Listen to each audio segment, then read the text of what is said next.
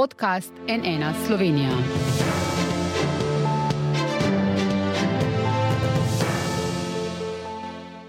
Dobrodan, to je NN studio. Na področju dolgotrajne oskrbe, katere ureditev v Sloveniji čakamo že leta, je golobova vlada razglasila uspeh. Ne samo to, po besedah ministra za solidarno prihodnost Simona Maljevca je vladno sprejetje zakona največji korak na področju dolgotrajne oskrbe v zadnjih 30 letih. Pa je res, zakaj je vlada kljub drugačnim zagotovilom zakon sprejela mimo ekonomsko-socialnega sveta in to na dopisni seji? Se res tako mudi in kaj se bo dogajalo zdaj, bo zakon spet kje obtičal?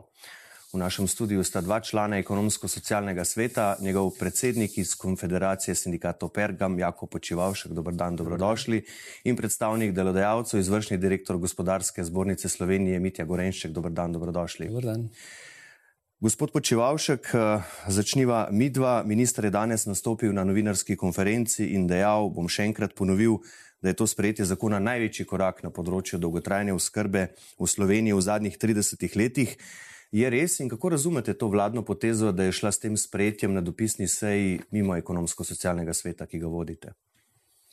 Zdaj, zagotovo je um, sprememba oziroma nov zakon uh, potreben korak za to, da bi prišli do sistema dolgotrajne oskrbe, ki bi deloval. Uh, prejšnja vlada je sicer zakon sprejela, vendar jaz ocenjujem, da ta, kakršen je bil sprejet na eni strani, v praksi ne bi bil izvedljiv, na drugi strani je pustila v celoti odprto vprašanje dolgoročnega financiranja sistema dolgotrajne oskrbe. Um, zato so bili popravki zakona nujni. Uh, tisto, kar je seveda tukaj skrajno problematično, je pa to, da ta zakon, ki ga je zdaj vlada na dopisni seji sprejela, ga je pravzaprav sprejela uh, brez neke širše razprave, zelo, kratka, zelo kratek je bil čas za javno obravnavo. Um, Pogajalska skupina ekonomsko-socialnega sveta se je sicer res eh, štirikrat sestala v zvezi s tem zakonom, vendar uh, ni dobila pravih gradiv. Um, predloge, za, predloge, ki smo jih imeli, so bili pomankljivi, niso vsebovali zadnjih rešitev, tako da je šlo bolj za pogovor kot za pogajanja. Ekonomsko-socialni svet predloga zakona sploh ni obravnaval. Um, tudi v delu, ki se nanaša na financiranje, in jaz ocenjujem, da tak zakon, ki vzpostavlja nov sistem socialnega zavarovanja v Sloveniji, uh, brez obravnave na ekonomsko-socialnem svetu, ne bi smel biti sprejet. Eno je tukaj vprašanje pač čist uh, spoštovanja postopka ekonomsko-socialnega sveta, ampak mislim, da tudi vsebinsko so pomembna odprta vprašanja, ki bi jih veljali. Um, predebatirati. Moje mnenje je, da če je prejšnja vlada pustila to vprašanje v celoti odprta, je šla ta vlada po drugi poti, zdaj le zelo hiter, brez javne razprave, se spustila v vprašanje financiranja in vprašanja, bodo rešitve dolgo, dolgoročno vzdržne. Ja, tu so bili tudi kar precejšnji zapleti na relaciji med Ministrstvom za solidarno prihodnost in Ministrstvom za finance. Na drugi strani ne na tej uh, točki tudi povem, da smo večkrat danes v ta studio povabili ministra Simona Maljavca, ampak se je odločil, da, odločil, da v današnji oddaji uh, ne bo sodeloval, gospod Gorenšček, vaše mnenje, eh, eh, kako razumete zdaj to vladno potezo, da je šla na tak način? Lete, prvič, vlado razumem, da ta zakon je potreben, da so v časovni stiski, ampak te, to ne upravičuje način, na kak je bil ta zakon uh, sprijet. Uh, glavni problem je tukaj procedura. Uh, zakon na SSO-ju sploh ni bil predstavljen, bil nam je predstavljen nek okvir. Zadostili so tistim mogoče mislijo minimalnim standardom, čeprav niti temu uh, ne in zadeve niso imeli pripravljene do take mere, da bi sploh jo lahko uvrstili na uh, sejo ekonomsko-socialnega sveta. Javna razprava je bila uh, že prej kršena, javna obravnava tudi uh, ni vključevala financiranja, ampak samo vsebino, tako da se pravim, Tukaj so bile kršitve ena za drugo uh, in uh, ni upravičila uh, za to, da so zadevo mimo vsega uvrstili na vlado in na vladi to tudi sprejeli. Gospod Počivalšek je že nekaj povedal, kaj pa bi vi rekli, kaj je morda ključna razlika, izboljšanje morda v primerjavi z zakonom prejšnje vlade, ki ga je uh, sedanja zamaknila in potem zato dobila podporo tudi na referendumu? Lete, ne bom rekel ključna uh, vsebinska sprememba. Dejstvo je, da prejšnji zakon uh, financiranja ni obravnaval. Uh, ta je to vključil naknadno po javni obravnavi, uh, vendar mi za načinom, z rešitvijo nismo zadovoljni. Gre se za to, da je to v nasprotju zagotovili, ki so nam jih dali z vrha vlade. Sam predsednik je rekel, da po reformah, ki nas čakajo v letošnjem letu, pričakujemo razbremenitev gospodarstva. Tukaj se pogovarjamo o dodatni obremenitvi, o višanju prispevne stopne, tako da mi se s tem ne moremo strinjati. Ja, minister je danes na novinarski konferenci izpostavil prav financiranje in poglejmo zdaj, kaj je v zvezi s tem povedal. Ja, kar se tiče financiranja, smo vlekli usporednico z obveznim zdravstvenim zavarovanjem in to je bila tista osnova. Vemo, da obstajajo razlike med SP-ji, tisti, ki imajo zelo nizke dohodke in tisti, ki imajo više. Razumemo tudi ta vprašanja, ampak je to dejansko točka, kjer jo bo treba reševati širše. Uh, torej, uh, ne samo v zakonu o dolgotrajni oskrbi, ampak ko se bomo pogovarjali o financiranju tudi uh, zdravstvenega sistema, davčnega sistema in podobno. Uh, vem in sem prepričan, da je naš predlog v danih, danih okoliščinah uh, najboljših. Uh, kar se tiče pa uh, prispevka, govorimo o enem odstotku, torej enem odstotku od plače. Mislim, da si vsak lahko to zračuna, drugi odstotek bo dal uh, delodajalec. Nujno je, da je solidarnosten. Ne? Torej, tisti, ki imamo više plače, med njimi sem zagotovo tudi jaz, bom prispeval več kot tisti, ki ima povprečno plačo ali minimalno plačo in mislim, da je to nujno in super, da ta zakon na ta način to uvaja.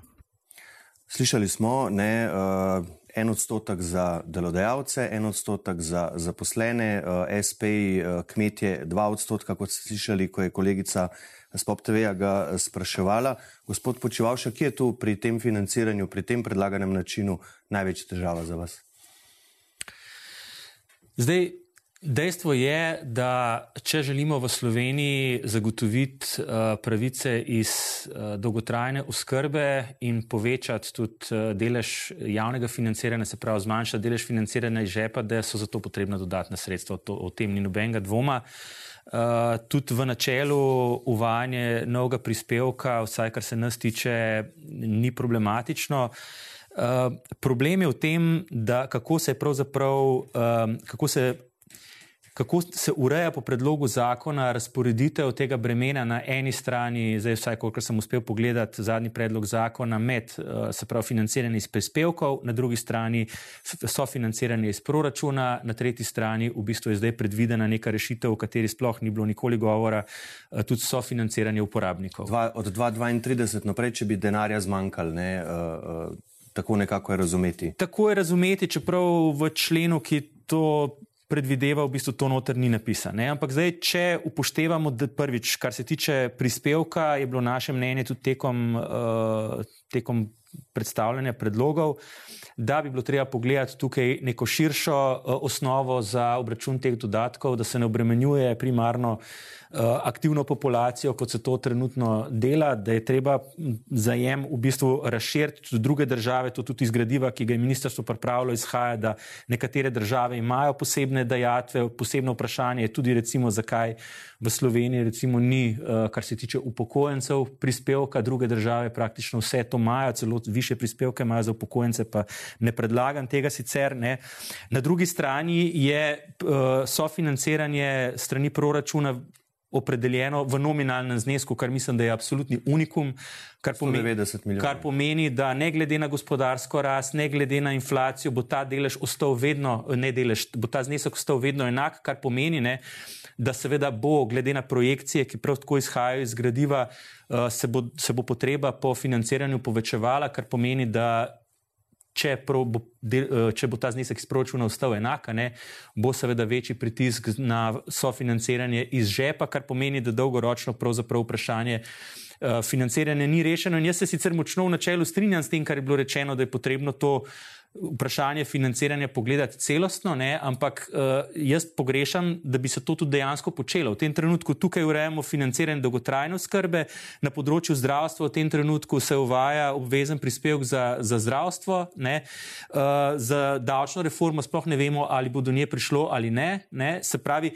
Jaz se sprašujem, kdaj bo prišlo do te širše razprave in do rešitev, ki bodo, ki bodo konsistentne med temi sistemi, ki so močno vsebinsko povezani tudi na točki financiranja. Mhm. Kje imate vi pri financiranju največ pomislekov, gospod Gorenč? Prvi pomislek je ta, mislim, da uh, je vlada zbrala napačen vrstni red uh, teh reform, da kraljica reform bi mogla biti davčna reforma, kjer bi nam pokazali razrez, to pomeni, kje rabijo dodatna sredstva, kje predvidevajo obremenitve in kje predvidevajo razbremenitve, seštevek vseh teh plusov in minusov pa pričakujemo, da bi vseeno bil razbremenitev uh, gospodarstva. To je prvo.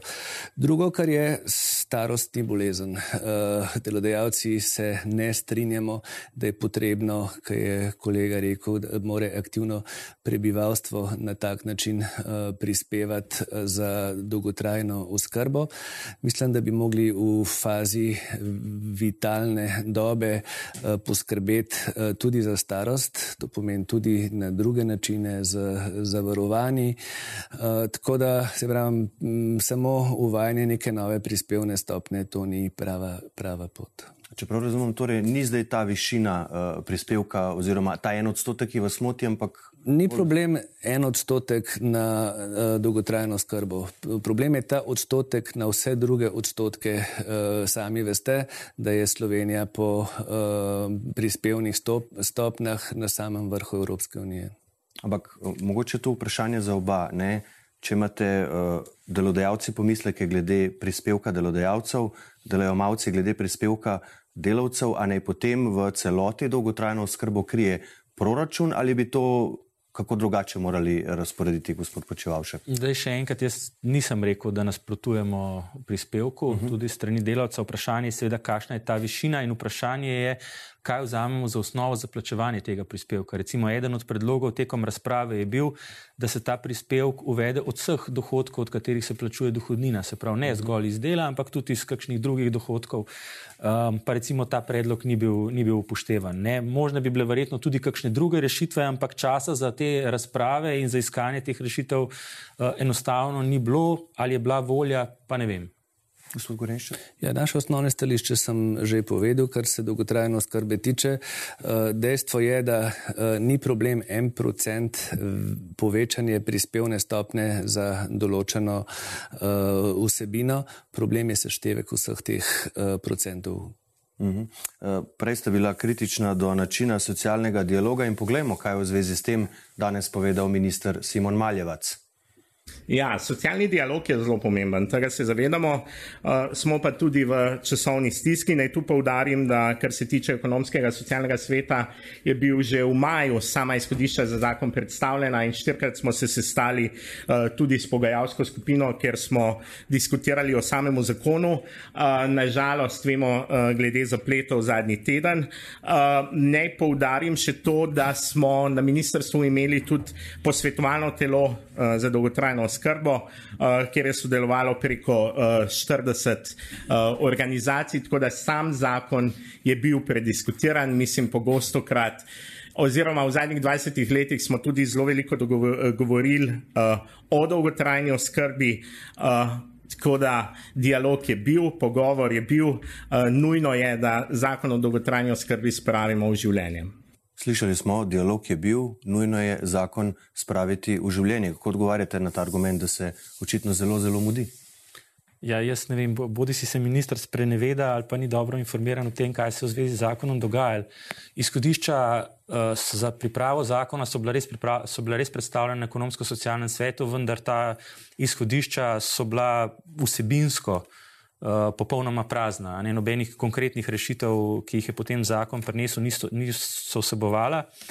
Um, kar se tiče zakona, se je pa zakon vse čas spremenjal. Uh, dolgo časa rešitve, kar se tiče financiranja, sploh niso bile na mizi.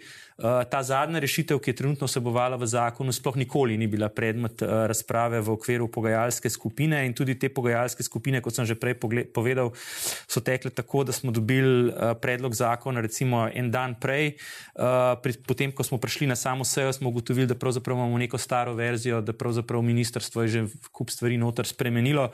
Tako da to pravzaprav ni bil nek dialog. Rok in jaz mislim, da tudi ta izgovor, češ se nam je mudilo, moram reči, da jaz ga ne sprejmem, ne na zadnje. Um, eno leto je, odkar je vlada nastopila mandat, vedel se je, da bo ta uh, zakon moral biti predmet uh, spremembe, ki ga je sprejela prejšnja vlada, uh, ali bi bil v pripravi na Ministrstvu za zdravje, kjer je bil prej ali na Ministrstvu za delo ali na Ministrstvu za solidarno prihodnost. Mislim, da je bolj vprašanje dogovora in koordinacije med ministrstvi. Tako da jaz ocenjujem, da je to izgovor in se mi zdi tak način delovanja nespremljiv, simptomatično je tudi to. To bi želel povdariti, ker je bilo rečeno, čež zakon je vlada sprejela zato, ker e-, ekonomsko-socialni svet v petek ni bil sklepčen. Jaz mislim, da obstaja zelo velika verjetnost, da tudi če bi prejšnji petek bila se ekonomsko-socialnega sveta, ta zakon ne bi bil obravnavan, zato ker je prišel predlog širitve dnevnega reda z gradivom šele en dan prej popovdne.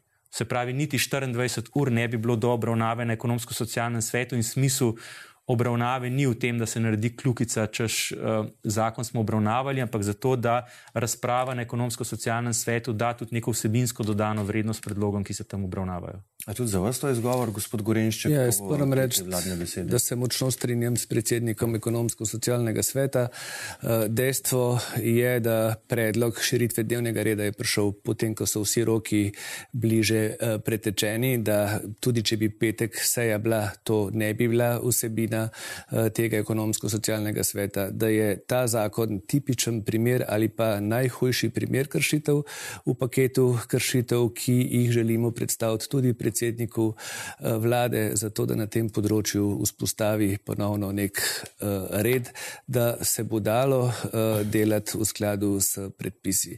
Dejstvo je, da ekonomsko-socialni svet ima na mizi prav v tem poletnem času ogromno tudi drugih pomembnih pomembnih zakonov, da si nekateri eh, zadeve predstavljajo preveč. Eh, po domače in da treba bo spoštovati minimalne standarde. Eh, ekonomsko-socialni svet je pač tisto telo, ki poskuša uh, tripartitno uh, izboljševati uh, zakone. To je njegov glavni namen. Tukaj te priložnosti pač žal nismo imeli, kljub temu, da je, teku, da, da je bila organizirana pogajalska skupina, ampak tudi uh, dialog na pogajalski skupini ni potekal v skladu s pravili. Mhm. Bomo šli k socialnemu dialogu še ob koncu, zdaj me še glede tega konkretnega. Eh, predloga oziroma zakona zanima, kaj sledi. Zakon gre po nujnem postopku zdaj v državni zbor. Eh, neuradno je slišati, da bodo tudi amandmaji, torej nekatere spremembe so vas tem že kaj seznanili, vas bodo v nastajanje teh amandmajev vključili. Kaj pričakujete, gospod Počevalšek? Zaenkrat nimam nobene informacije glede vsebine teh amandmajev. Um, zdaj, ko je enkrat zakon uložen v državni zbor in to se je zgodilo, seveda se situacija tudi z vidika socialnega dialoga spremeni. Um, naš partner v pogovorih ni več vlada, ampak so to pač poslanci, poslanske skupine. Uh, vlada sama neposredno ne more več uh, tudi vlagati amandmaja v tem konkretnem primeru. Um, mi se bomo verjetno na predlog zakona pač odzvali. Um, tukaj bi rad povdaril, no, da pač postopkovno, tukaj smo seveda tudi zelo dejalci na, ist, na istem bregu, kar se tiče vsebine, verjetno so naši pogledi do določene mere tudi uh, različni. Ne? Mislim pa, da je ključno, tudi ko bo zakon zaključil to svojo proceduro, bo ključno, kako se bo ta zakon potem v praksi tudi izvajal. Tukaj jaz mislim, da je še precej odprtih vprašanj v tem obdobju, ko se bo postopno uveljavljalo posamezne pravice, bo potrebno izgraditi infrastrukturo. Država se ne bi smela izogniti svoje obveznosti s tem, da na koncu reče: tukaj imate začasen denarni prijemek, ker vam ne moremo zagotoviti pravice, na drugi strani bo treba zagotoviti tudi delovanje na enotnih stopnih točkah, na centrih za socialno delo. Jaz vidim, recimo, zagotavljanje ustrezno sposobljenega kadra, tako, kar, tako pri izvajalcih, kot pri enotnih stopnih točkah, enega ključnih izzivov. In če za to ne bo poskrbljeno in ne bodo zagotovljeni pogoji za izvajanje, jaz mislim, da utegnejo biti v praksi še velike težave. In jaz upam, da ima tudi vlada tukaj, oziroma ministrstvo, pripravljene ukrepe, s katerimi bodo zagotovili, da bo ta sistem potem dejansko zaživel, ker ga nujno potrebujemo, o tem pa ne, ne sme biti nobenega dvoma. Kaj pričakujete vi, gospod Gorenšček, zdaj, kaj se bo dogajalo v parlamentarni proceduri? Kakšen mora biti na koncu zakon, da boste z njim zadovoljni, da bo uh, zagotavljal tisto, kar dejansko v Sloveniji potrebujemo. Glede, dejstvo je, da končno besedilo bo lahko zelo drugačno od uh, besedila, ki bo sprejet na vladi. Občutek imam, da tudi vlada je to zadevo spustila skozi uh, v skladu z nekim zaupanjem in zavedajoč se, da v nadaljem postopku v zakonodajni proceduri bo še bo vsaj dve priložnosti še za ta zakon izboljševati. To je na matičnem odboru in pa na sprejemanju uh, zakona v uh, državnem zboru. Jaz upam, da ta zadeva, da, to priložnost bojo izkoristili, tudi mi bomo sugerirali, kaj naj se tukaj spremeni, kaj naj se tukaj popravi. Dejstvo je, da so govorniki so politika. Eh, dejstvo pa je, da so sogovorniki naši tudi stroka, ki nam bojo pomagali oblikovati uh, stališča, ki jih bomo mi potem predložili v državni zbor. Uh, zadeva še ni izgubljena, se pravi, mislim, da smo vsi pod utisom neke, neke časovne stiske to zadevo ali bili prisiljeni dati z dnevnega reda ali pa so bili prisiljeni strani temu prikimati, uh, predvsem zavedajoč se, da obstaja še možnosti, da se besedilo spremeni. Ja, zdaj tudi eh, v bistvu zamikajo določene stvari, ne časovnica. 1.1.2024 se zakon začne izvajati, ampak v manjšem delu, potem recimo 1.1.2025 šele vzpostavljena vstopna točka prek centrov za socialno delo, 1.7.2025 dolgotrajna oskrba na domu in e-oskrba, potem pa 1.12 dolgotrajna oskrba v institucijah, denarni prejemek, imate vi tu morda uh, glede teh dodatnih zamikov, ker vemo že, kako je bilo pri prejšnji vladi, ne so tudi določene, bom rekel, najbolj pereče stvari premaknili v, v, v prihodnost, tudi financiranje med drugim. No, zdaj, jaz, kar se tiče teh posameznih menikov, težko ocenjujem, premalo poznam, kakšno je stanje na terenu. Jaz mislim, da to je na nek način posledica ocene v kakšnem obdobju je mogoče realno zagotoviti pogoje za to, da te storitve lahko začnejo delovati in sam sistem kot tak.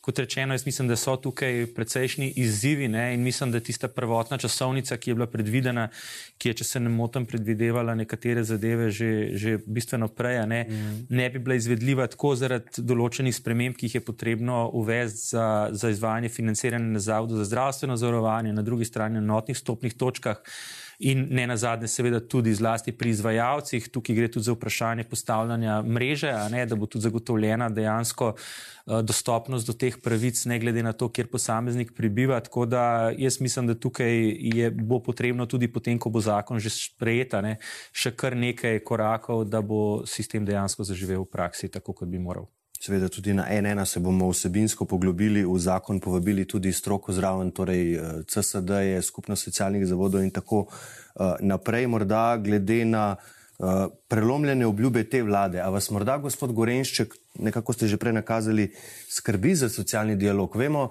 da pod prejšnjo vlado v bistvu sploh ni potekal, točno v tem studiu smo se o tem pogovarjali, zakaj je umrl in kako ga obuditi in zdaj glede na visoko leteče obljube pred volitvami in glede na to, kar se dogaja zdaj s socialnim dialogom, kaj pravite?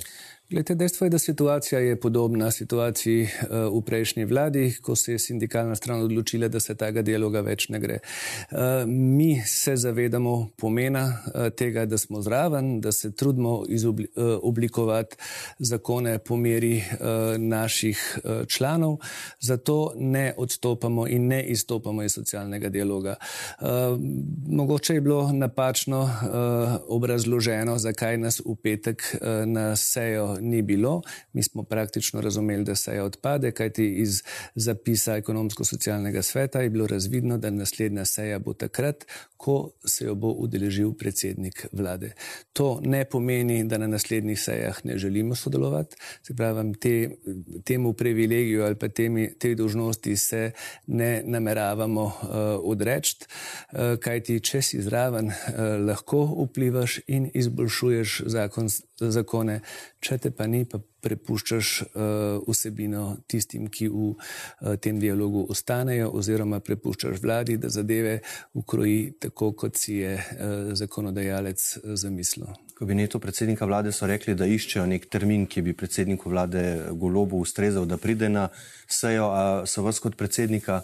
ESS-a morda že obvestili, kdaj se bo to zgodilo in ali tudi vas skrbi za socialni dialog v tej državi? Zaenkrat te informacije še nimam. Jaz upam, da bo do, do te seje prišlo čim prej. Jaz mislim, da je nujna. Uh, mislim, da je nujno tudi to, da predsednik vlade da ustrezno zagotovila, da bodo pravila o delovanju ekonomsko-socialnega sveta spoštovana strani vlade.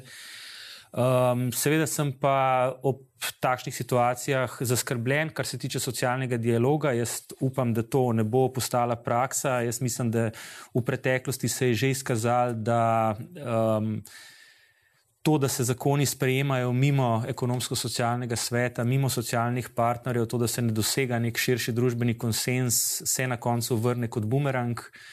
Um, in jaz upam, da se tega zaveda tudi aktualna vlada in kot rečeno, da bo vzpostavila nazaj pogoje, uh, v katerih bomo lahko socialni partnerji enakopravno sodelovali v tem dialogu, sporočali naša stališča um, in da bodo ta naša stališča seveda tudi upoštevana v končnih predlogih. Na ta način je najlažje zagotavljati neko širšo sprejemljivost uh, zakonov, ne na zadnje tudi njihovo implementacijo v praksi. A pa razmišljate sindikati, da bi tako kot pri prejšnji vladi zapustili socialni dialog, da bi ga prekinili? No, zaenkrat uh, je to prvi zakon, ki je vsebinsko res zelo pomemben, ki je šel mimo ekonomsko-socialnega sveta. Uh, sicer pa je bila naša odločitev pod prejšnjo vlado sprejeta potem, ko smo vrsto mesecev uh, opozarjali na kršitve pravil ekonomsko-socialnega sveta, se vs, na vse možne načine prilagajali, pravzaprav tudi takrat spremenjenim okoliščinam.